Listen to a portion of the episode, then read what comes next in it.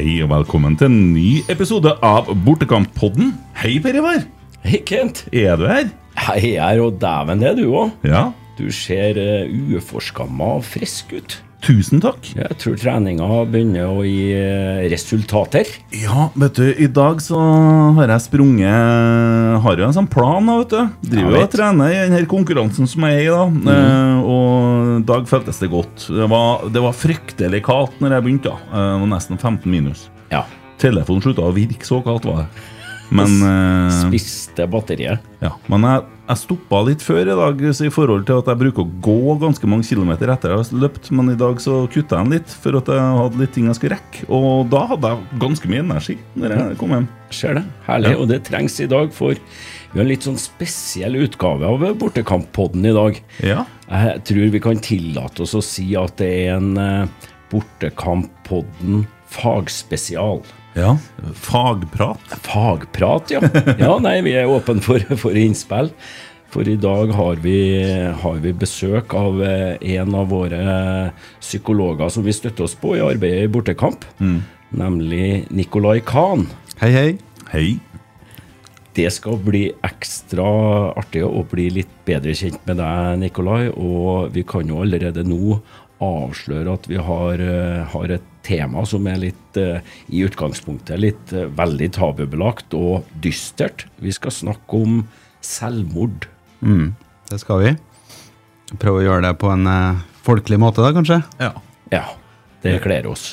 Jeg er jo glad i litt humor på alvorlige temaer, men det må vi tåle.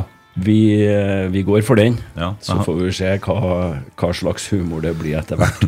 har jo studert selvmord, jeg, vet du. Det har du, det kommer vi helt sikkert tilbake til. Ja, det gjør vi. Men Nikolai, kan ikke du fortelle oss litt om eh, hvem du er, og hvorfor du ble eh, psykolog, og med, med interesse for det du, det du har? Ja, jeg kan, eh, jeg kan prøve det, da. Jeg er jo eh, 42 år gammel og psykologspesialist og jobber Nå jobber jeg på Nidaros DPS, da, som er en av de største DPS-ene i Norge, faktisk. Jobber i en poliklinikk der jeg møter eh, ja, alle mulige folk og alle mulige psykiske lidelser. eh, Pluss at jeg forsker på depresjon da, og søvnlidelser. Så vi har noen behandlingsstudier på det. Um, jeg jobba flere år med bipolare lidelser. Jobba mange år med rus. da. Eh, og så har jeg jobba på sykehuset der jeg har gjort sånn psykiatriske vurderinger av folk som nettopp har prøvd å ta livet sitt, og jobba i akuttpsykiatri og mye forskjellig, egentlig. Så jeg har jo forholdt meg til folk i krise egentlig hele mitt voksne liv. da. Um, eh, og, og studerte jo psykologi Jeg begynte jo på studiet i 2001 da, i København, og var ferdig i 2007. Så har jeg rukket å gjort en del, sjøl om jeg bare er 42. da. Um, og du spurte meg om hvorfor jeg begynte å studere psykologi. Det er jo et sånn spørsmål jeg skulle hatt et stort og fint svar på, men det var vel egentlig fordi at uh, jeg ikke kom på noe bedre, tror jeg. Og så er jeg nysgjerrig. Nysgjerrig. Ja, og så har jeg foreldre som er leger, uh, og så ville jeg ikke bli lege, så det gikk jeg jo en helt sånn drøy motvei og ble psykolog, da. Ja, det var enormt. ja, enorm forskjell. Men eh, det er jo det som er sånn den korte bakgrunnen. da. Så har jo jeg spesiell interesse for det med selvmord også, for, det- er et viktig tema å jobbe med. da. Ja. Ja. Eh, det, er, det, er, det er litt av en bakgrunn, altså. Eh, hva, hva gjør du når du har det vanskelig, eller eh, har du opplevd noen ganger å måtte ha gått i samtaler sjøl? Nei, jeg har faktisk ikke det, men jeg, vi har jo som en del av utdanninga vår så har vi jo det som heter veiledning. da. Og da er det jo en kollega da, som er veileder, og er en erfaren en.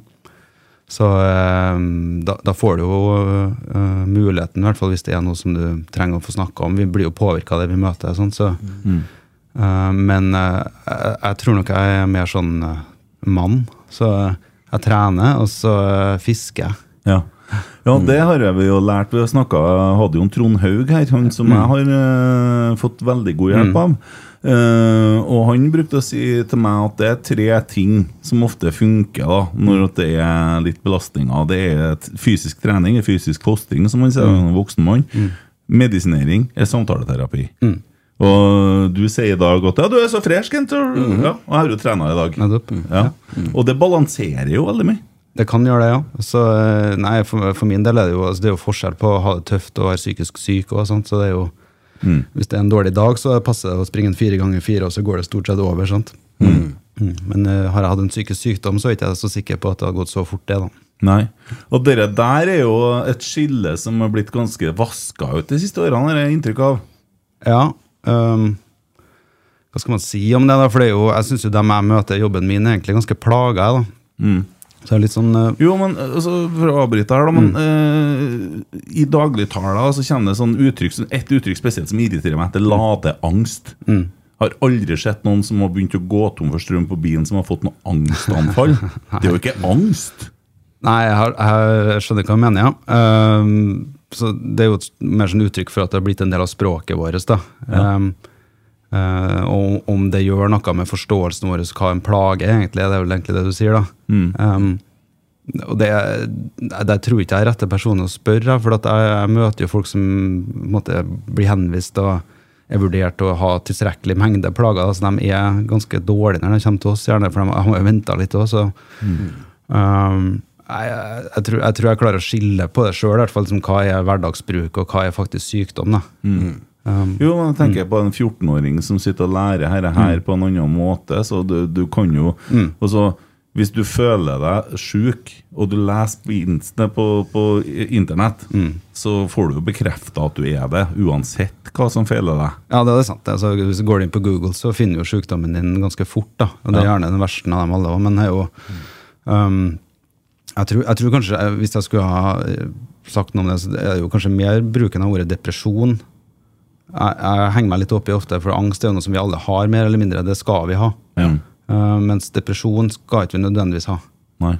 Uh, og folk som opplever litt motgang, kaller seg sjøl deprimert uten å egentlig, egentlig være det. Det kan, det kan frustrere mine rigide forståelser av hvordan ting funker. Da. Men uh, det er jo samtidig, man har jo jobba i mange år for å få mer åpenhet, åpenhet også. Så jeg syns det er sånn tvega, det der. Ja, den er vanskelig, men jeg, jeg kjente det sjøl. fordi at eh, For en liten stund tilbake så kjentes det kjentes ut som at jeg begynte å gå litt i sånn motbakke.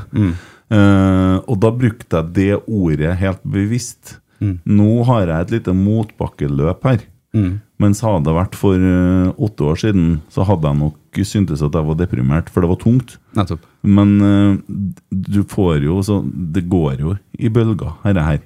Det, det tenker jeg det må gjøre, det er jo livet vårt. Så det, det kan ikke bare gå én vei, det, nei. Nei. nei. Mm. Ja. Um, når du kommer til det med, med selvmord, da. Hva, hva, hva er det som forårsaker at noen prøver å ta selvmord, og en del klarer det? Det var dagens enkleste spørsmål. Ja, det her er det, det er ikke et ja-nei-spørsmål, nei. Har eksamen i um, Jeg kan skrive mange doktoroppgaver om det, sikkert. Ja, og ingen har klart å besvare det ordentlig heller, da. Uh, men uh, jeg, jeg sitter jo her fordi jeg jobber med det, så jeg må jo kunne svare noe på det, tenker jeg. Ja. Um, for start, da, så er det jo Du kan, du kan tenke at noen selvmord handler om psykisk sykdom. At de er enten deprimert eller har en psykose, eller at de, de er ikke seg sjøl, da. Og så får de noen tanker som er uh, sånn egodyston, altså det er egentlig ikke en del av hvem du er. Um, og så har du andre som tar livet sitt fordi at de opplever store kriser. Sånn at de, eh, de mister viktige ting i livet deres. Det kan være relasjoner, det kan være økonomi, det kan være ære, eh, selvfølelse. Det kan være flere ting. da. Eh, og det handler jo helt sikkert litt om hvilken personlighet du har, og hvilken eh, religiøs tilknytning du har. Det er kultur, det er mange ting som påvirker der. sant? Og så har du jo eh, ja, du, du har folk som gjør det impulsivt òg. det er noen som um, dør ved en feiltagelse av selvmord fordi at de eh, tar det som vi kaller parasuicidale forsøk. At de gjør det egentlig mest for å få i kontakt med hjelpeapparatet. da. Altså Ikke oppmerksomhet, men en eller annen måte å komme i kontakt med oss på, for det er sånn de oppnår det på. Det er at de har uflaks. Um, det kan være rusoverdoser som egentlig er selvmord. Det er så mange forskjellige grunner til det. Da. Så Det er jo en av, en av på en måte, det er et godt spørsmål hvorfor folk tar livet sitt. fordi når vi møter folk i klinikk, da, så skal vi gjøre en sånn det er vi jo pålagt å gjøre en sånn spådom, en sånn vurdering av risiko. Og det vi gjør da, er jo at vi spør om risikofaktorer. Hva er det som er kjente statistiske risikofaktorer? Um, og så er det en sånn antatt matematisk tilnærming til det, at jo flere risikofaktorer, jo større er risikoen. Men det er jo ikke sånn i virkeligheten. For det kan være nok at det er bare én ting til deg som gjør at det bikker. sant? Så um, man kan svare på det på sånn store gruppe, eller sånn tall på gruppenivå. da. Hva er det som gjør at folk tar livet sitt? Men den viktigste årsaken som du ser på det statistisk sett, det er jo er du mann og alkoholiker. Ja. Jeg vet jo du har skrevet en kronikk som jeg eh, har lest i, i Adressa her, om eh, menn og alkohol og selvmord. Eh, og der eh, Ja, for det er jo en, det er en kjensgjerning at det er flest menn som, som tar livet sitt. Og, og du ser egentlig en parallell du, til at uh, dette med overdreven alkoholbruk kan være en, en årsak for, for at det er sånn. Ja, jeg vet ikke om jeg ser det, jeg tror øh, man må si at øh, forskninga ser det. da. Ja. Um, uh, men jeg kjenner det jo igjen, ja. Uh, og så er det jo um, overdrevet alkoholbruk, eller at du har i hvert fall promille i gjerningsøyeblikket. Og det kan jo være er det høna eller egget. sant? Det Drikker du for å få det til? For det er det noen som gjør. sant? At de drikker rett og slett for å tørre å gjøre det. Eh, eller andre er full og har ikke impulskontroll akkurat da, for at impulskontrollen din hemmes. det- Følelsene dine bobler jo gjerne over når du, hvis du allerede har det litt vanskelig og er full. da. Eller at livet som rusavhengig, alkoholavhengig, er tøft nok i seg sjøl til at du ikke orker mer. Sant? Så det er jo det er mange forklaringer på hvorfor det blir sånn. da. Jeg føler litt for å så Ja. bruke meg sjøl som eksempel, da, som har eh, stått litt i ting, hvis det er greit, det. Jo, det syns jeg skulle akkurat å spille opp her, for eh, jeg vet jo når du prøvde å ta livet ditt, så var det jo alkohol med i bildet. Jo, det var det de første gangene da jeg var ung. Da tror jeg hører til den kategorien som ropte om hjelp, da, for jeg kutta meg opp og gjorde sånne ting og tok overdoser og sånn. Eh, og det var, det var jo i de her unge årene mine når jeg var uh, litt på kjøret. da. Eh, men i 2013 så var ting annerledes. Eh, og, og da hadde jo bygd seg opp en krise uh, i, i stort format som jeg ikke klarte å bære. Eh, men det som er altså, Nå ble jeg veldig åpen, da, men det er så skremmende. fordi at den dagen det her skjer, da så skjer det sånn i, nå, nå er jeg på tynn is, for at jeg var helt borte. Men i åttetida men jeg husker ingenting fra klokka seks. Da har jeg en totalt blackout, og jeg vet ingen verdens ting hva som har skjedd. Sånn at eh, Jeg har jo brukt å hørt før på rettssaker, og sånn, så sier de at du er med, I gjerningsøyeblikket så var du psykotisk, eller sånn. Utilregnelig. Ja, Ja. ja. Og, og, og jeg veit ingenting før jeg våkner på sykehuset. Og det, da hadde det jo gått et halvt døgn, og- og det, alt er helt sort. Eh, og det syns jeg var også skremmende. For da, da fikk jeg en sånn Jeg vet ikke, eh, Det er ekkelt å snakke om det nå òg, for at du kan faktisk miste kontrollen helt. Men da hadde jeg dratt det langt på forhånd. Uten søvn, uten mat, og så over lang, lang tid. Så at det, det, det, det var som en full shutdown. da Alle har jo et bristepunkt, og den, den, den kan jo komme Det er jo ikke alltid så lett å vite når den kommer, heller, sant? men det der med at du ikke husker rett før Det er ganske snedig at du nevner, for det var en annen som spurte meg tidligere i uka her, faktisk, bare sånn ut av det blå, for han hadde snakka med tre stykker som han kjente, og det er ikke en psykolog, det her, da.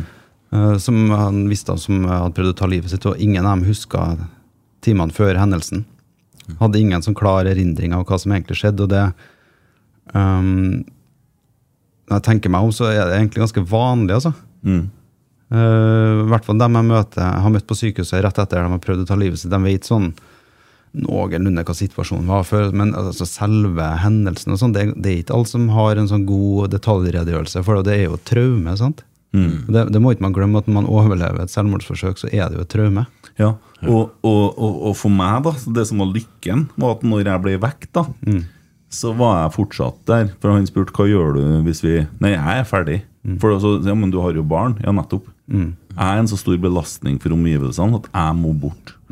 Og det, det er det beste jeg kan gjøre for verden, for jeg innså sjøl hvordan belastninga var. Altså Alle argumenter til omgivelsene eh, om hvorfor jeg ikke burde gjøre det, var egentlig årsaker for å gjøre det. Nettopp. Skjønner du? Ja. Ja. ja, Den der har jeg kjent på sjøl noen ganger når du sitter og argumenterer på den måten her. Ja. At du fort kan snakke folk nærmere stupet enn vekk fra deg, egentlig. da. Ja. For det er jo ikke at du ikke har tenkt på det før. Nei. Det er jo egentlig bare å gi mer skyldfølelse. Og der dukker litt av faktoren opp. Hvis du husker en Eivind Olav Evensen, han øh, som døde i en ulykke på Namsos i lag med Ja, ja. Han, øh, han jobba jo på lukka avdeling når jeg var lagt inn der. Mm. Men han møtte meg der jeg sto, Mm. og da ble det faktisk et alternativ. Altså, det ble et opplest alternativ. Ja, du kan, du kan jo gjøre dette her. Det, det bestemmer du jo sjøl. men du kan jo velge å prøve å stå litt i driten ei liten stund. Så, så, for meg, da, når jeg skulle ut for å lukke avdeling på syk, noe som var helt absurd, at jeg hadde vært der, så var det det at ok, jeg kan, jeg kan prøve litt, og så kan jeg ta livet av meg. Sånn var det. Utsette avgjørelsen, ja. Ja, Så mørkt. Men det var liksom For det, det var den kontrollen jeg hadde, da. Skjønner du? Ja. For det er en sånn absurd følelse av at du har kontroll. Og så, hvis du ser på selvmord andre plasser i verden, Japan, så er det jo en æresak. Altså, mm. Man skal ikke bare male på én måte. For at, eh, for meg da så var det Det var en slags styring. ja. Ja. Sant, det. Uh, men så oppi her, da, så, så skjer det noe som jeg egentlig aldri helt har fått tak i. For at jeg opplever at jeg får et sånt hull i brøstet. Sånn at uh, når jeg da skal på spilling etter dette, så skal jeg synge, så klarer jeg ikke å synge. Det kommer sånn Jeg klarte ikke å komme For det var ikke noe muskulatur i brystkassa. Og det Ganske, vedvar. ganske kul, den stemmen der, da. Jo, men jeg hadde jo noen sanger som gikk litt høyere enn dere. Jeg klarte ikke å synge. Nei. Så, og, og dere der pågikk jo flere helger hvor jeg måtte finne sånne nødløsninger. Stå og rope til trommisen 'Syng du' og sånn. sant? Når det kom litt lysere, da. Tonen var E, faktisk. Det, det er ikke så lyst, da. Eh, det der det var helt, altså Jeg var fysisk så plaga med det. Og det hullet i brøstet, den der følelsen der, den kan jeg av og til få nå òg. Men det er jo mange som har altså, Da skal ikke jeg diagnostisere deg, der, det blir Nei, nei, feil, men, det- men, men sånn um, Vi må ikke bli helt gammeldags i tankegangen og tro at psykiske lidelser er atskilt fra kroppen. sant? Vi kjenner jo i kroppen følelsene våre, så, og angst er jo en veldig fysisk følelse. Og eh, altså Mellomgule diafragma, f.eks. muskelen som styrer pustemuskulaturen din. sant? Den, eh, den er ofte helspenn når man har mye angst, og det er all, det er jo ikke all angst som er fobi. At man er redd for høyder eller eh, sosiale situasjoner. Det kan jo bare være en sånn gjennomgripende følelse av ubehag, på en måte, sånn anspenthet. Da, sant? Det er jo mange som har selvmordsproblematikk, som har akkurat den der følelsen. At man er liksom fanga i en eller annen sånn følelse som man ikke klarer å navigere ut av. Mm. Og så er det jo veldig vanskelig å sette ord på den. For det er egentlig bare en sånn tilstand. Sant? Ja, ja det, for å fullføre den Jeg begynte jo til logoped for å lære meg å synge på nytt igjen, og pusteteknikk og alt mulig sånn. Og det tok altså et halvt år, og så løsna det. Mm. Men da begynte jeg å få det litt bra noen plasser i livet òg. Og så kunne jeg faktisk synge bedre enn hva jeg noen gang har gjort før. Ja. Det, det var nå jeg inne på det. Men eh, den veien tilbake fra, fra det der skjedde i juni Jeg tror ikke jeg lyver om jeg sier at det tok over to år før jeg var på plass i meg igjen. Nei, det høres realistisk ut, det. Ja. Det, det er jo en av tingene med altså, depresjoner. Det tar jo Selv med behandling så tar det lang tid å bli frisk. Mm. Sant? Så eh, i beste fall så blir man jo frisk over noen måneder, men de fleste bruker jo ganske lang tid på å komme seg. Og, og så er det jo det her med å En ting er å bli frisk på symptomene, men så er det å bli frisk fra opplevelsen av å ha vært det. Det å oppleve å ha mista seg sjøl og begynne å stole på seg sjøl igjen, og faktisk oppleve at eh, man er, eh, altså, du kan stole på deg sjøl, og at uh, dine opplevelser er gyldige nå, at du ikke kan du slipper å bekymre deg for hvordan morgendagen skal være. sant? Um, det tror jeg er den sånn største konsekvensen for mange som hadde en sånn alvorlig krise eller en alvor, alvorlig psykisk lidelse. eller Det er jo det her med å oppleve at man faktisk har mista sin evne til å tenke rasjonelt eller finne håpet eller engasjementet eller hva det skal være. da. Ja, ja det, det, det er rart, og det er skummelt. Ja, det er så det- skummelt. Ja, det må oppleves helt, helt utrolig skummelt. Ja, for, for du føler deg jo så lite verdt i deg sjøl at du Og du får noe sånn tankekjør som er Altså Til å begynne med så er det jo Det, det, det var så slitsomt at det ikke å fatte og begripe. Og sånn. Så det Det er noe som heter um, på engelsk heter entrapment. Det er at du er fanga. da. Um, og der man tradisjonelt innenfor psykisk helsevern tenker diagnosespesifikt, er du deprimert eller er du manisk, eller hva det skal være. da, Men um, at man kanskje skal slutte å tenke så mye diagnoser når det gjelder akkurat selvmordsforebygging og behandling av det, og, og heller tenkt mer sånn hva er det egentlig det mennesket her um, står i akkurat nå? da, og den her selvmordskrisen som beskrives i, i liksom nyere selvmordsforskning, eh, tar jo utgangspunkt i at det er egentlig en sånn opplevelse av å være veldig sånn sterkt fanga i en situasjon der du ikke klarer å se veien ut av labyrintene. Du er i en labyrint, men du finner liksom ikke veien ut av den, og så får du en veldig sånn kraftig uro og agitasjon, som det heter, en slags angsttilstand. Og det er da avgjørelsene kan skje impulsivt. da. Det er jo ikke det at det skjer ut av det blå, men det, det er ofte ganske impulsive avgjørelser akkurat øyeblikket der du velger å gjøre, ta livet ditt. Og det er jo en sånn ting vi som behandlere fall nødt til å være veldig obs på. Sant? At det er noen typer selvmord som er mulig å fange opp hvis vi ikke tar utgangspunkt i at eh, vi fanger opp ved å spørre dem om tankene deres, men vi må se på hvordan, har mennesket her det. det er ikke sikkert de tenker på å ta livet sitt når du spør dem. sant? Men den tanken kan dukke opp som følge av at du er i en veldig alvorlig krise eller en alvorlig agitert tilstand. Da. Og da er jo tilnærminga noe helt annet enn hvis du er psykotisk eller hva det skal være. sant? Så jeg, jeg tror jo i hvert fall sånn, Jeg har sittet og jobba litt med noen sånne saker der du går gjennom eh, alvorlige hendelser, hva skjedde, og så der du går gjennom forløpet i forkant, og du kan se litt på noen sånne mønster. da. Og det her, med, det her med uro rett i forkant av hendelsen, og, og at det er, liksom, det er mennesker som ikke helt klarer å roe seg ned på egen hånd, eller være mulig å roe ned på noe vis, det er en veldig skummel tilstand å være i. nå.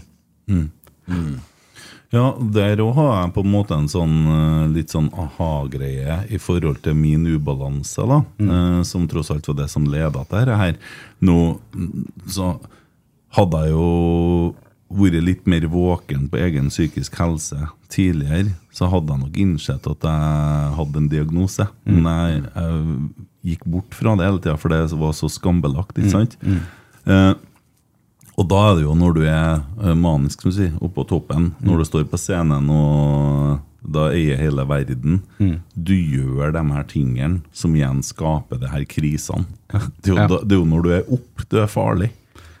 Absolutt. Det er i hvert fall fort gjort at det kan bli litt for mye. da. Ja. Um, det, er jo, det er jo der med Psykisk helse er jo et kjempestort begrep, og hva er egentlig det er. da, sant? Men eh, balanse er jo et som, egentlig ganske fint begrep, tenker jeg. òg. for det er, jo, det er jo ikke sånn at du ikke skal ha oppturer heller. De kan, det er bare når de blir for store at det kan bli litt for trøblete. Mm. Mm. Jo, men det, da, som jeg har brukt og sagt, det skal god rygg til å bære gode dager for sånne som meg. For å skal takle det var vanskeligere enn å takle nedturene. For der var et landskap jeg kjente meg igjen i. Okay. Da, og det kanskje har noe med selvfølelse å gjøre for da vet du på en måte hvem du er. Jeg tror jeg var faktisk 18 år da jeg drev og skrev sånne dikt. Så skrev jeg 'Lidelse av den elsker'. Da vet jeg hvem jeg er. Ja. Ja. Men da klart uttrykket 'ikke ta helt av nå', da. Det er jo, kommer jo i kjølvannet av at du har prestert noe, noe bra på ulike arenaer. Det, det, er det er jo faktisk ganske, ganske klokt, da. Jo, men det som aldri har funka på meg, da det er sånn moraliserende ting. At folk må ikke fortelle meg hva jeg skal gjøre. Nei, det har du kanskje begynt å skjønne snart. Det, det vet vi. jeg er allergisk mot moralsk pekefinger. Helt ja. forferdelig. Ja, ja, jeg vet det. Og alt som, alt som er nei og mot, det preller av. Men det er jo samme med rus og alt mulig. noen, det, er, jo ikke at eh, de som har et rusproblem, skjønner eller tror at det er lurt for dem å holde på med det. jo- De vet jo at det ikke er så spesielt lurt. Men eh, for å skape endring så er du nødt til å snakke om gevinstene, og du er nødt til å liksom, ta utgangspunkt i opplevelsen til mennesket her. sant? Ja. Det er jo samme hvis du har sånne sterke oppturer. For Jeg jobba jo på den bipolarklinikken der du har folk med manier. Da så da mister de realitetsorienteringa ofte. og det er jo det er jo ikke så lett å argumentere dem ut av en tilstand som føles som den beste i verden. Ja. Ja, øh, vi kjenner litt til mania. Men øh, for det du, du sier da, Per Ivar, øh, med mot og nei og sånn, Ja. og, og det du sier der, i rusverden For meg så ble jeg edru den dagen jeg kunne begynne å si ja okay. til de riktige tingene. For dere si nei-kampanjene skyver meg bort. Ja. Uh, og dere der andre tingene at du må ikke helt av Men snakk med meg, ikke snakk til meg. Og det tror jeg, og det tror jeg er, gjelder mange. Som Mm. er, og da er vi inne på det med å møte mennesker på følelsene deres der de står. Mm. Og Og det, det, det jobber jo du med. Ja, og så er det jo noen ting det er mye lettere å spørre om enn andre ting. Da. Ja. Det er jo ikke så lett å spørre folk om de vil dø. Nei. Nei. Sant? Det er jo ikke, hvordan tar du opp det? Ja. Nå er vi jo litt inne inn på eh, forebyggende eh, tiltak i forhold til selvmord. Og det er jo et spørsmål jeg tror mange lurer på. Hvis man er redd for noen man bryr seg om, og for at man eh, kanskje er suicidal og går med selvmordstanker, hvordan skal du, hvordan skal du approache en, eh, en, en sånn venn?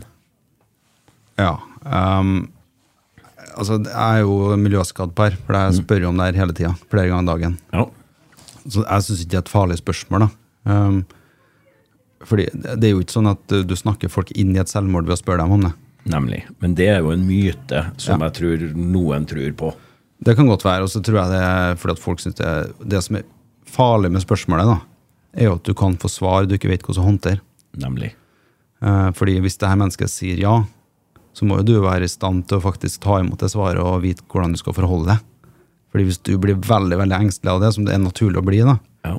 og spiller ut den angsten, også, så vil du ikke være trygg for den personen lenger. Sant? Du er nødt til å faktisk kunne være ganske stødig. da. Så hvis noen sier at jeg, jeg har jeg tenker faktisk på metoder, og jeg, jeg, nå vet ikke helt hva jeg skal gjøre, så må du, du navigere dem inn i et hjelpesystem. Sant? Det er jo det som er det er for mye å sitte på det der sjøl. Det, det er umenneskelig å gjøre. Det, jo det, det har jeg jo opplevd noen ganger, da, spesielt med, i forhold til min egen åpenhet. Det er som regel det som er min døråpner til at folk kontakter meg eh, med at de har eh, sånne tanker. Eh, og da vil det jo ofte være også Jeg prøver å være flink og lytte, og ikke bli skremt, som du sier. Og så blir det litt den der at det du forteller meg nå, må du love meg at du forteller fastlegen din i morgen. For da får vi i gang en prosess. For det er jo alltid fastlegen man går via, egentlig. Eh, Det er jo for å komme til deg òg, så må Ja, du det, via er- fastlegen. det er fastlegen som er en, eh, gullnøkkelen til alt, egentlig. Og så er det jo det time til fastlegen er jo ikke alltid like enkelt, så hastegraden avgjør jo litt, da. Ja, deler du deg tankene med sekretæren som tar telefonen, så får du time på dagen. Ja, jo, jo, men det er sant. Det. De, skal, de har jo hjelpstime. Ja. Men hvis det, klart, det eh, hvis det ikke går, da, så har du jo legevakta. Mm. De, det er et system som skal fange opp det her, og, og som gjør det. da Hvis du tar kontakt. Det er øyehjelpstilstand for mange. det Men hvis det kan vente til i morgen, så er det jo fastlege. Da, kan, da klarer du å utsette behovet for å gjøre det noe, i hvert fall en stund. da Jeg hadde faktisk for en liten stund siden så hadde jeg noen sånne samtaler der jeg opplevde så stor bekymring at jeg ble rådvill. Eh, og da ringte jeg en hjelpetelefon, selvmordshjelptelefon. Kan det være Kirkens Nødhjelp som har en sånn? SOS Kirkens Nødhjelp har den. Mm. Ja, og fikk veldig god hjelp altså, til hvordan jeg skulle uh, gå videre. da. Mm. Uh, sånn at det er egentlig òg noe jeg anbefaler da, for folk som, som, som er uh, omgivelser pårørende. Ja, ja. Eh, eller venner, eller ja. Mm. Ja, for det, det er jo ofte venner og pårørende som får vite om det, sant? eller kjærester. Og, Mm.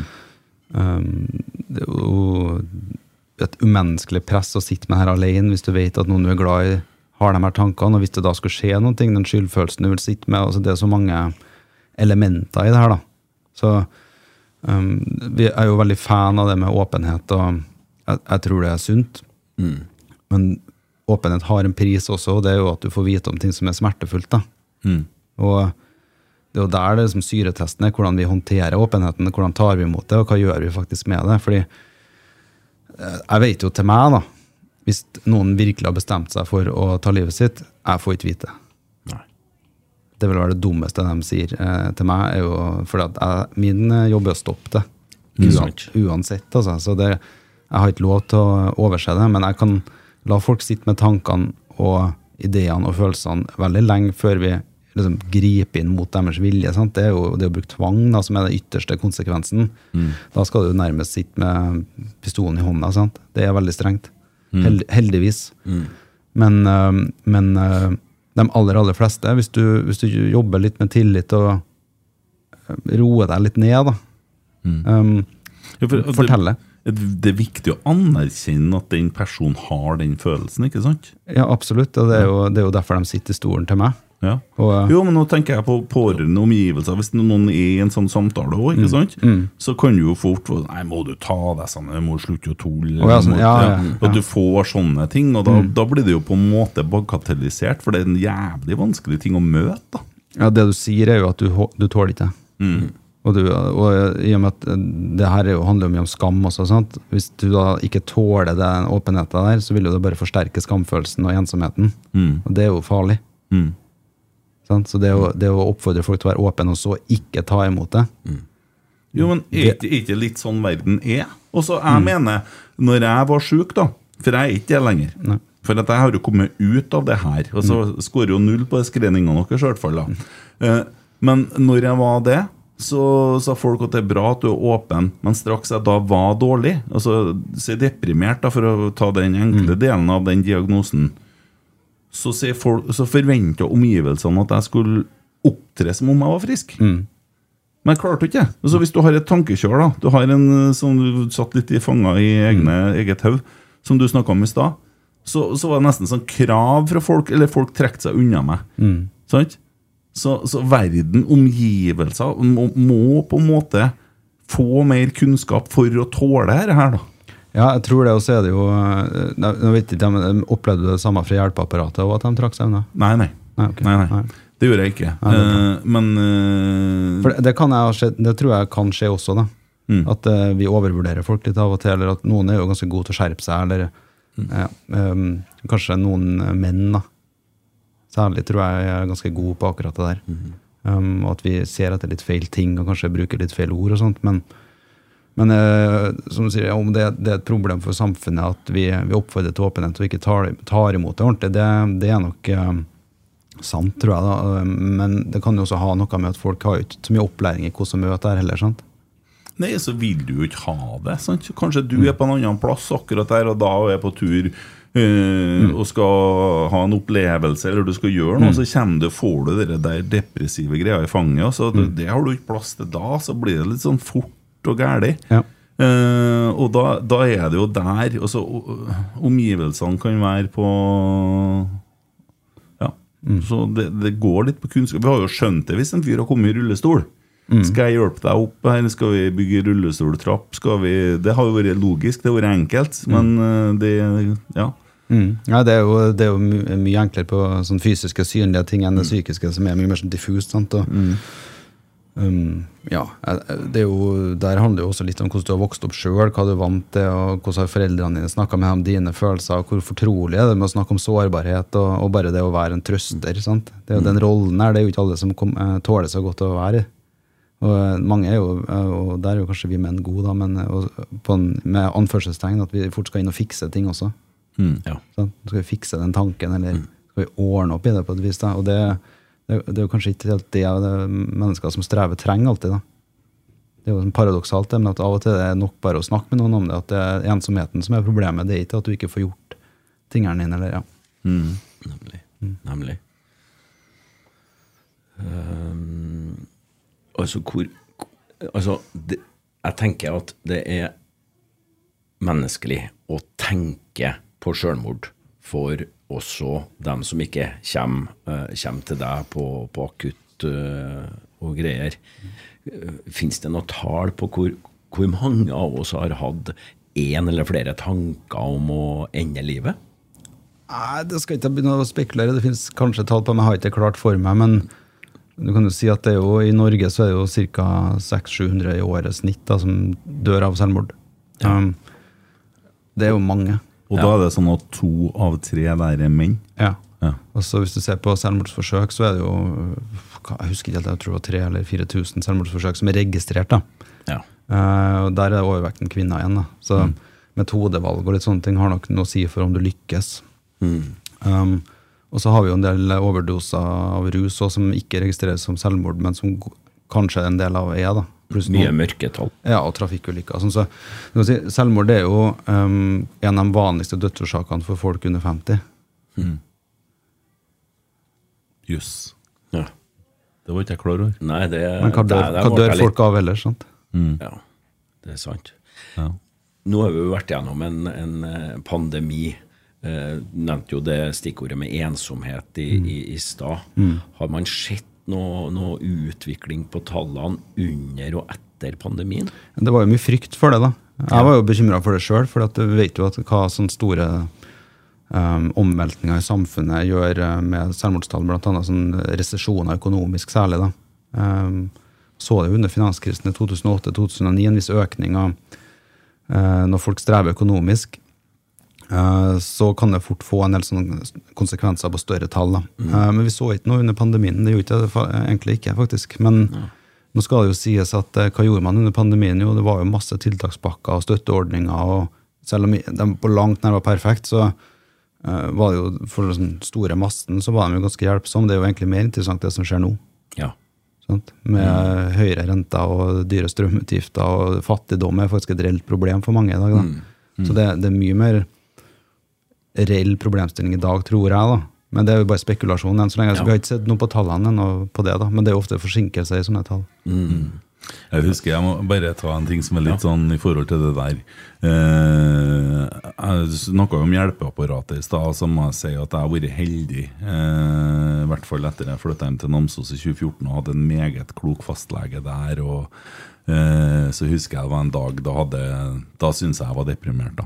Og det var rot i hodet. Og da for jeg til han, ja. Jan Laugen heter han. Og så sier han ja, men da må vi være litt pragmatiske her, så forteller du meg hva det er. Så hadde jeg fire forskjellige ting da, som var vanskelig. Det ene var økonomi, så var det forskjellige sånne ting. Så han ok, men da tar du til neste mandag, så skal du ta det og det det. Så, han satt ned på det. Vi brukte fire uker, så jeg måtte ta én og én ting. Da, og da ser du det der med økonomi, for jeg levde alltid to skritt bak egen økonomi. Kredittkort, uh, rock'n'roll og alt det der. Eh, og skyldte penger, og så måtte jeg ut og spille og betale det jeg skyldte. Så jeg lå hele tida bakom, og da hang det sånn økonomisk sky over meg uansett. Så jeg var aldri liksom helt lykkelig, for det var alltid en økonomisk bekymring. Og da begynner jeg å tenke økonomi. Det virker som at det det, det er sånn skyer som henger over hodet til folk. For at det er jævlig mange kredittkortselskap som tjener mye penger i Norge. Ja, det er det. Det, Fryktelig mye.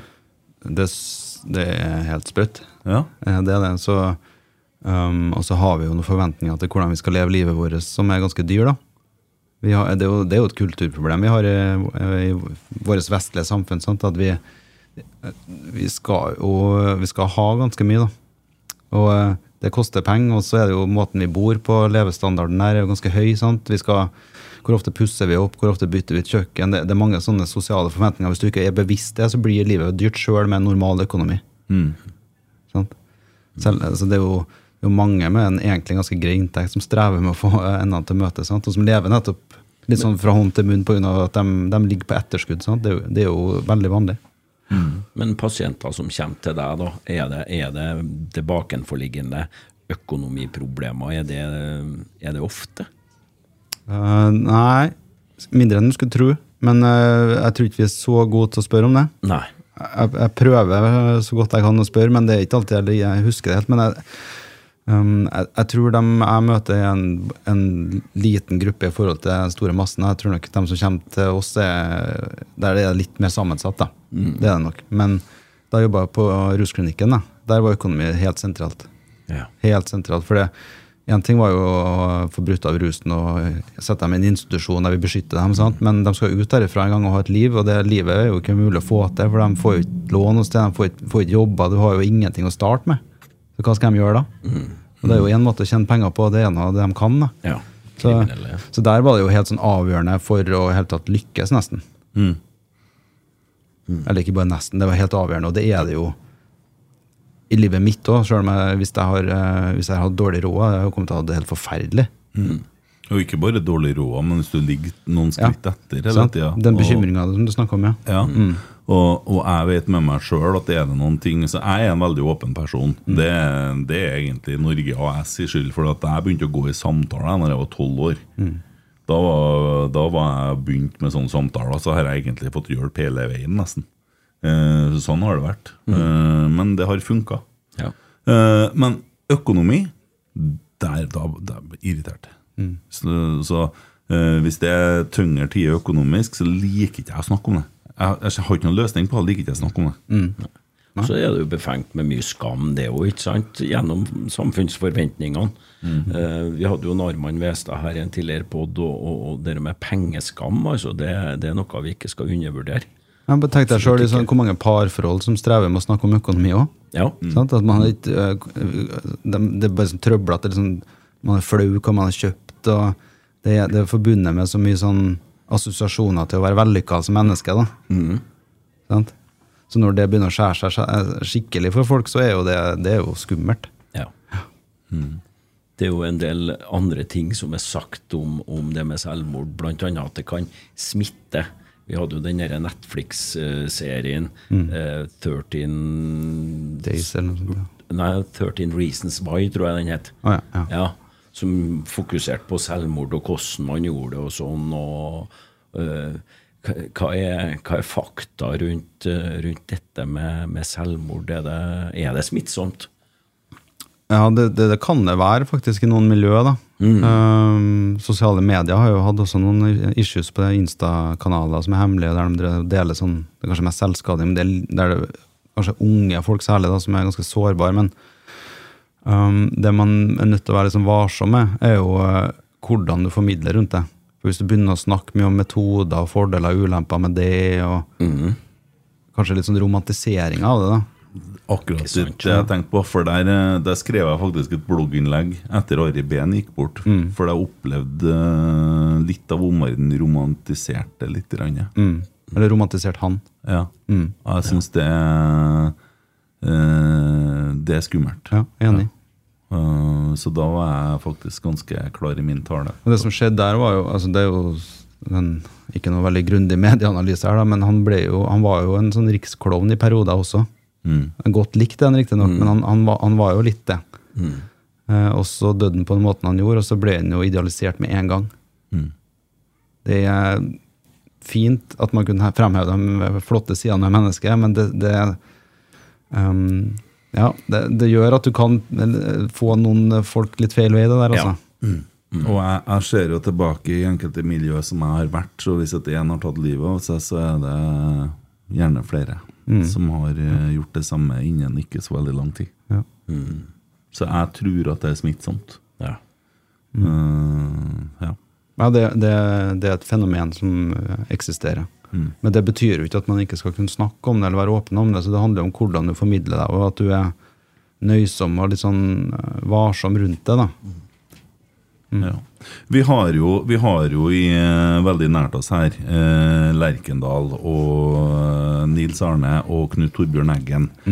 Eh, og der har du Jeg vil si litt det omvendte, for det er ikke romantisering. Eh, det var en åpen eh, Fullstendig åpenhet rundt det. Eh, når eh, Knut Torbjørn avslutta livet, så var Nils Arne på brakka dagen etterpå og orienterte spillerne. Selv om han ikke var trener, så var han i miljøet. Om eh, hvordan det her var, og gikk for den at eh, nå var livet for tungt å bære, og døden var enklere. Uh, Syns det var egentlig ganske eksemplarisk. Jeg er helt enig, Det er et sånn eksempel som jeg har tenkt på noen ganger, hvordan hele den kommunikasjonen fra faren da, For han er faren hans. Eh, hvordan han klarer å snakke om det og gjøre det trygt for andre å snakke om det. og Det er jo helt unikt. Ja. Ja, jeg syns det. Og så er det noe med at da har du sykdommen Det er jo angst i det tilfellet. Uh, der det på en måte er opplest og vedtatt som den naturligste ting i verden. Uh, fryktelig trist. Men eh, ja, jeg syns det står veldig stor respekt av det som eh, Nils Arne gjorde der. Altså. ja. Der òg. Der òg, ja. Vi har vel litt å lære på annet vis òg. Mm.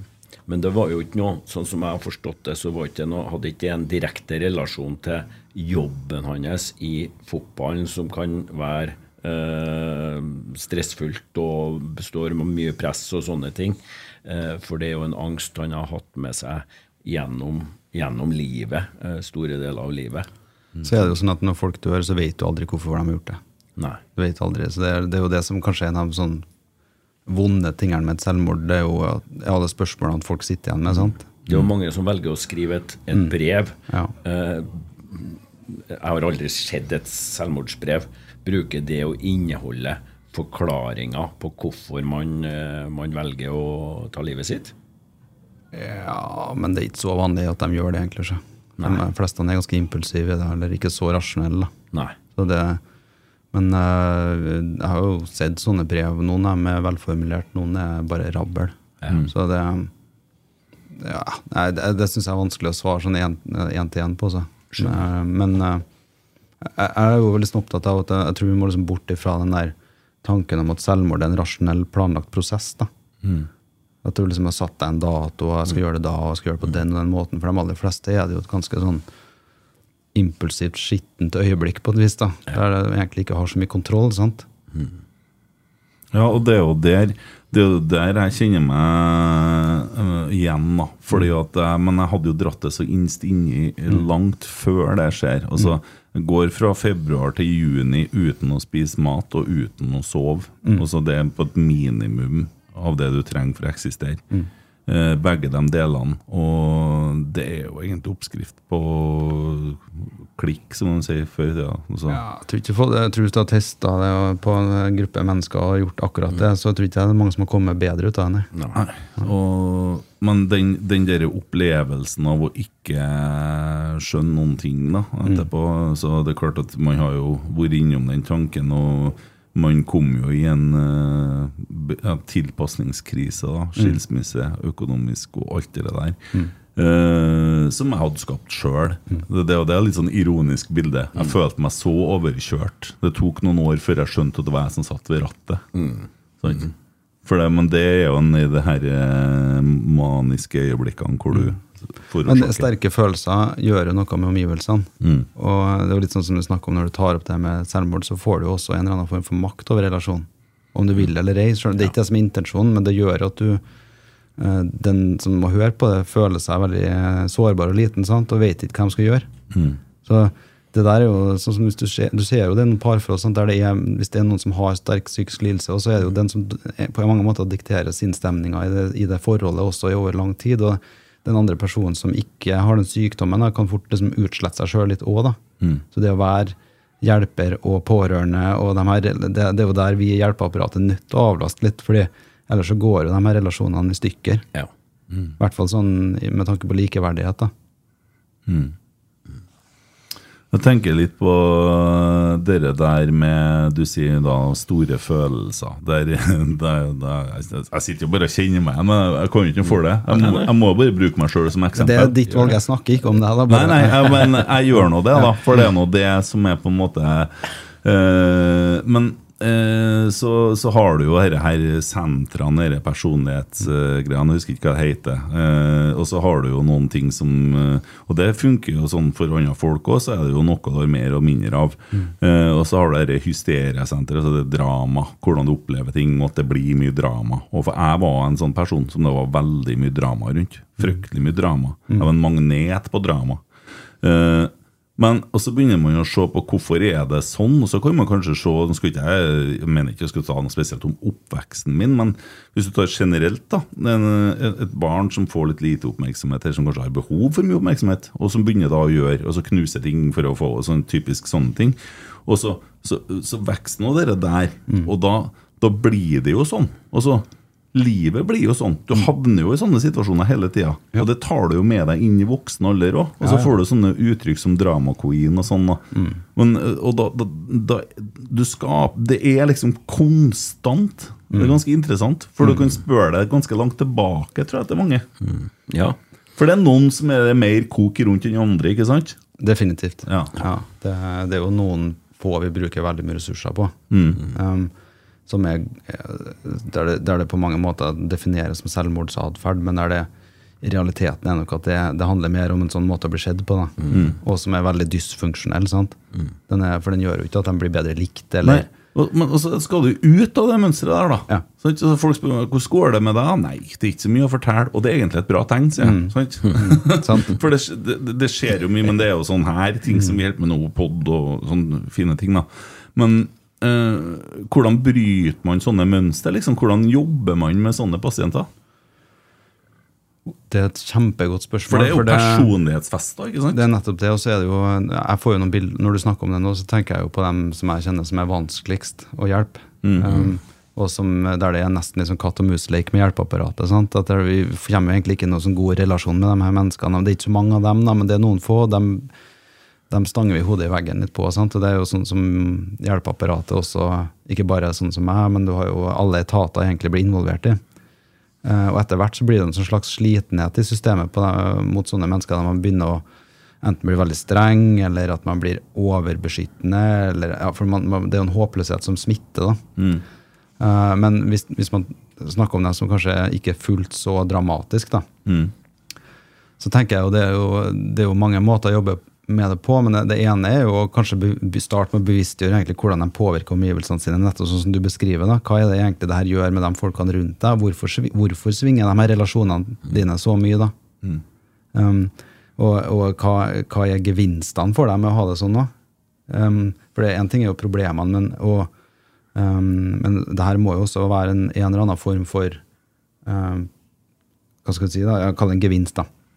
Og så er det jo um, Kanskje du jobber også um, ganske mye i timene med hva som skjer mellom deg og pasienten òg. fordi at det her emosjonelle galleriet spiller seg jo også ut i terapien. sant? Så du prøver jo å gjøre, gjøre det her mennesket flinkere til å koble på frontallappen sin, egentlig. da, Ikke være så i følelsene sine, men prøve å bli bedre til å forstå med tanker, da, ikke bare følelser. Ikke være så reaktiv. altså Smi mens hjernen lunker, ikke varmt, som noen sier. da. At, du, at du tar ett skritt tilbake, puster. Er det, hvorfor føler jeg som det? er? Hva er det mennesket her prøver å kommunisere når den, sånn, når den sier det den gjør? Ikke bare hiv deg på første innskytelsen din. Så impulsiviteten, da, som ofte tar deg feil vei. For at hvis du kaster deg på første følelsen din, så får du en motreaksjon. Da får du det som man kaller en form for mentaliseringssvikt. At du, du klarer ikke å lese deg sjøl utenfra, og du klarer heller ikke å lese andre innenfra. Noe som vi egentlig er ganske gode til vanligvis hvis vi har ikke følelsene kobla på så mye. Og så er det jo, hvor er, hvor er det de her følelsene dukker opp sterkest? Jo, det er jo de nærmeste relasjonene, for det er jo dem som vekker noe i oss. Mm. Det er jo ikke dem på butikken nødvendigvis som vekker noe i oss, men det er jo dem som vi bryr oss om. Og det er jo dem som Hvis, det, hvis man mislykkes med nære relasjoner, det er jo en det er jo en risikofaktor for at det ikke går så bra med mm.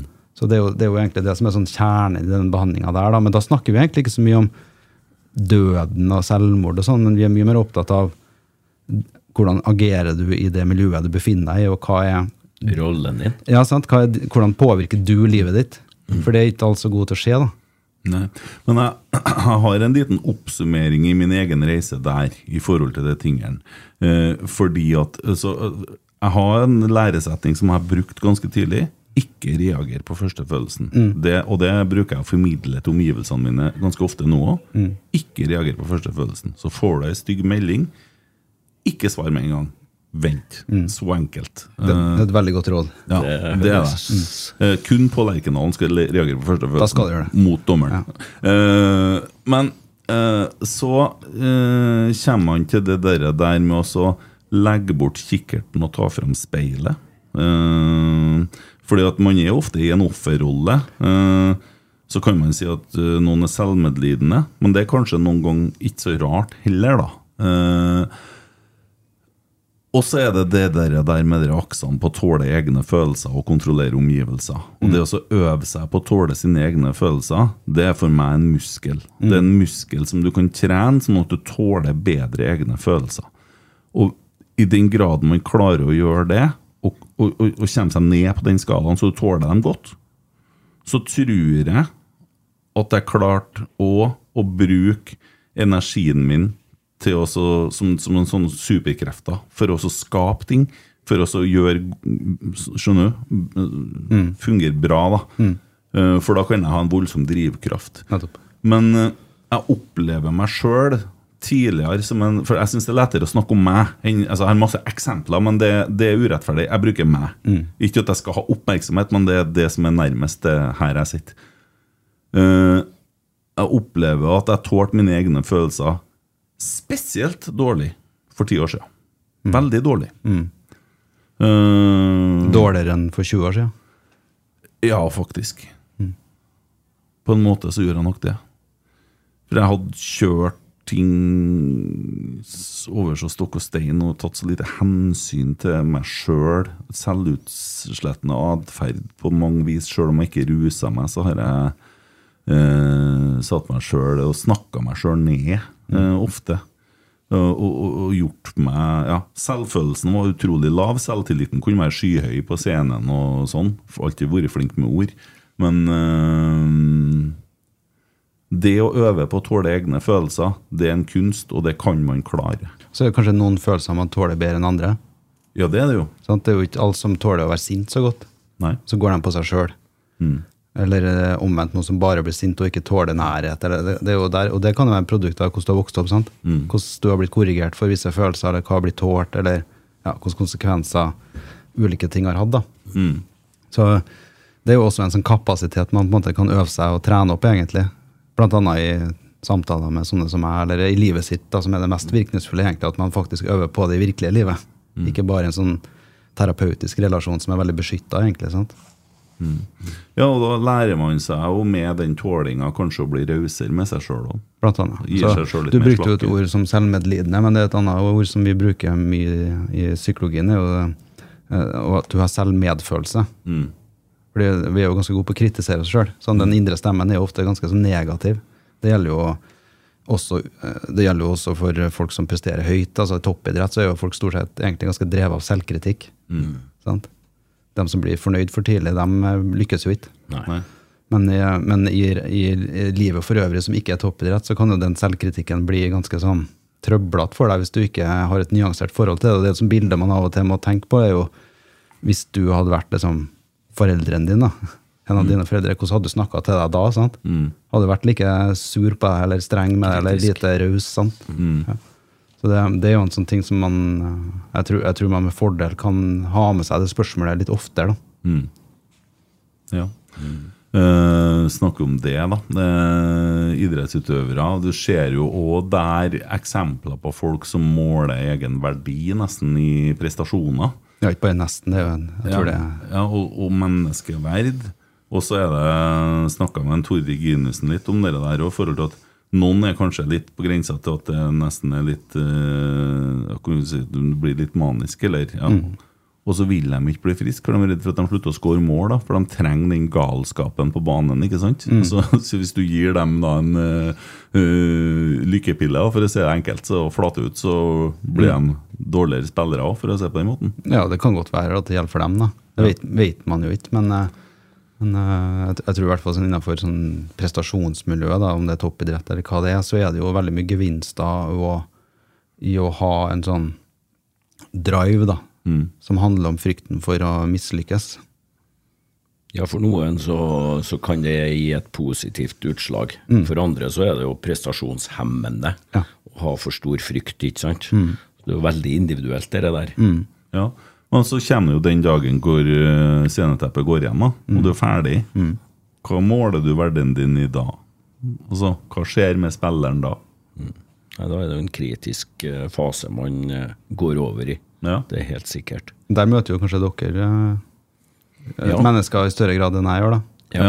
Vi har jo snakket, og snakker jo med mange ellers òg. Felles for både så, ja, Jeg snakka med veldig mye folk, da. Mm. Det er jo at det det, det her er at man gruer seg til den dagen lyset slås av. Om du er skuespiller eller jobber i NRK, eller så er du redd for at det skal ta slutt. Mm. Eller om fotballspiller, det vet du at det tar slutt. Eh, Og Men du kan jo få vite at det tar slutt uka før sesongen er over.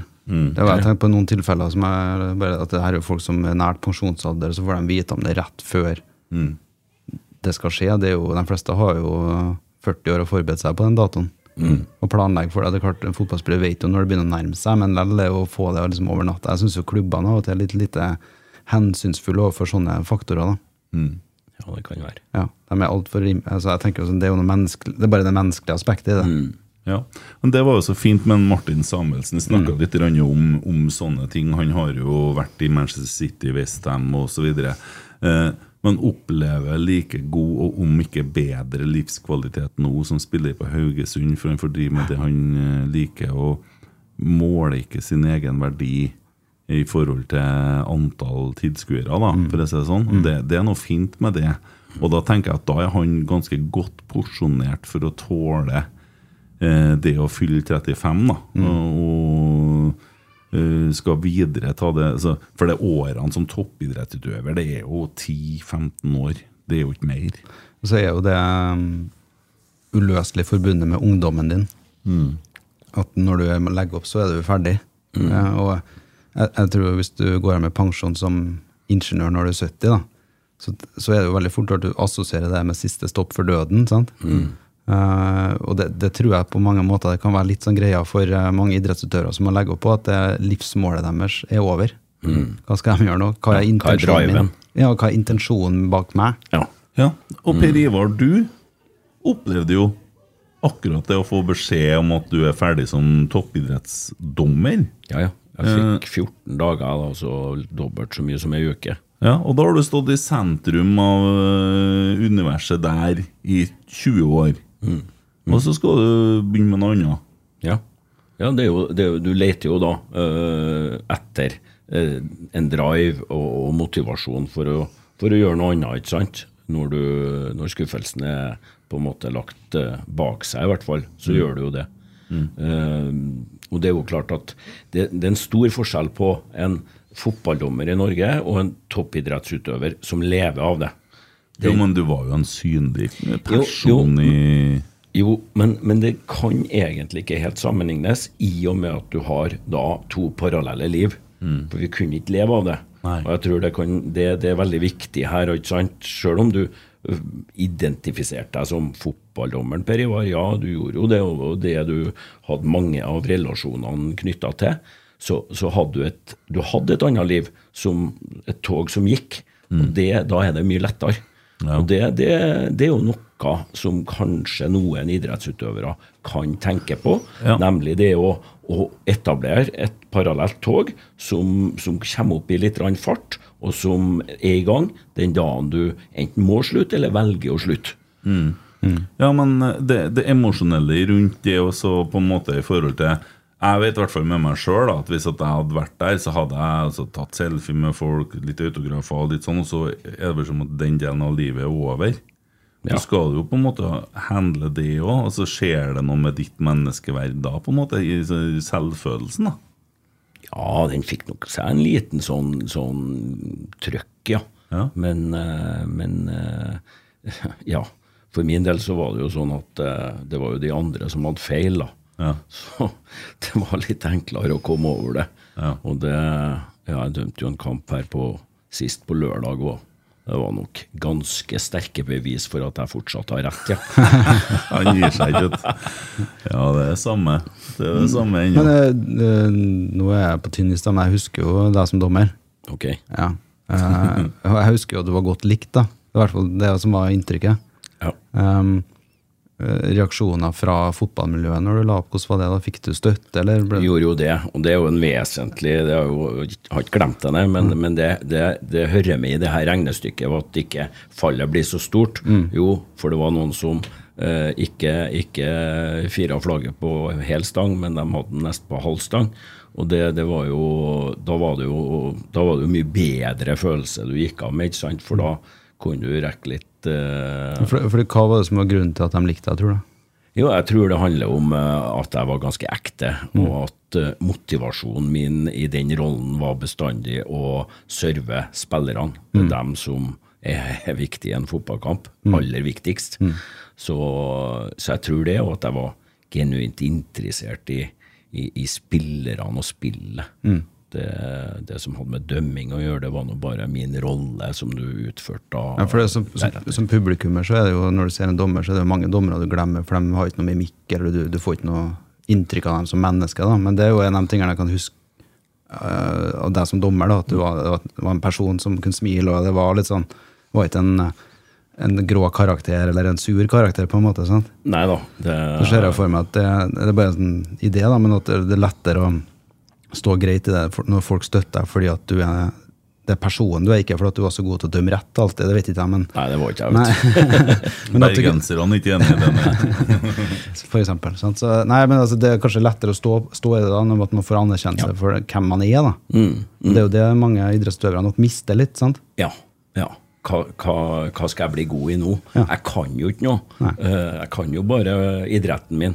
Men eh, det Kompisene deres i garderoben. Ja, fortsatt ikke sant. Jo, men jeg tenker jo i forhold til mine følelser på dette med å stå på scenen og være litt uh, Folk roper navnet mitt og sånne ting, og så skal det plutselig ta slutt, da. Eh, Og så uh, skal du venne deg til det, da. Og være hjemme på lørdagene og ikke være sentrum i det universet. Eh, men det viser seg at det har jeg vært jævlig godt av.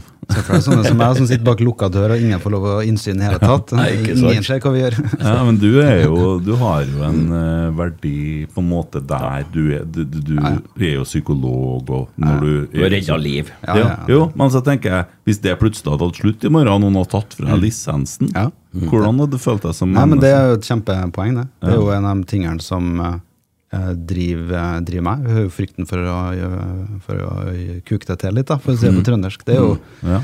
eh, som sørger for at du gjør ting ordentlig. Vi har jo et helsetilsyn som passer på oss, bl.a. hvis folk tar livet sitt. Da Mm. Da blir det jo automatisk en gjennomgang av saken om det har skjedd noe feil. Sant? Så vi, det er jo en del av eh, det moderne helsevesenet at det er, du lever hele tida med en sånn uh, formynder bak deg som passer på deg. Ja. Men det kan være sunt òg, da. Sant? Det er ikke noe farlig det så lenge at du har et bra samarbeid. Og jeg, jeg liker jo at det er sånn. jeg. Det motiverer meg. Liker å bli målt. Ja, det gjør, det gjør ikke meg noe, så, så lenge at jeg vet hva, hva jeg må gjøre for å gjøre det bra nok. da. Men tenker du når at du sitter sammen med meg som har hatt en diagnose som heter en F60.3, er det? Ja. Eh, at, eh, og den er jo på en måte nå ikke der lenger. Eh, men jeg er veldig klar over det er skrevet med blyant, da, og at eh, ting er skjørt. Men er det det samme som om jeg har vært en fyr som har hatt en fysisk skade som jeg har reist meg fra? altså for, for meg personlig eh, så kunne jeg ikke ha brydd meg mindre. For det, er ikke noe, for det første så er det ikke noe jeg har så mye med. Um, om du har kusma eller hva du har, på en måte, det er en privatsak. Og så er det, nå, nå er du så raus at du er åpen om det, og det er jo, um, tror jeg er veldig nyttig for mange. Da. Um, men, men jeg, jeg, jeg, jeg møter for mange som har de her plagene til at jeg blir så imponert over det. Sant? Jo, jo, men jeg tenker på uh, Fordi at jeg er fortsatt sånn at når jeg snakker om dette her, Mm. så tenker jeg når vi sitter her Nå tenker han litt mindre om meg, for at jeg har hatt de bokstavene og sånn. Mm. Og da blir jeg litt mindre verd i dine øyne. Det har vært er lettere Nei, så nei, for jeg blir mer nysgjerrig. Vet du, for at det er som, eh, jeg- Dem jeg møter, er jo ofte i en sånn behandlerrelasjon, og da kan ikke jeg være meg sjøl helt. Nei. Men her er jeg, jeg er jo jeg er jo for jeg er psykolog, men jeg er jo meg sjøl nå. Ja, ja. Så jeg kan, jo, jeg kan jo stille spørsmål på en annen måte. Eller jeg, jeg, jeg lurer jo genuint på hva som gjorde at eh, du klarte å fikse det. Ja. For det er jo en diagnose som er vanskelig å få til. ja. Så det er, jo, det er jo lærerikt for meg mer enn det noe annet. Men samtidig så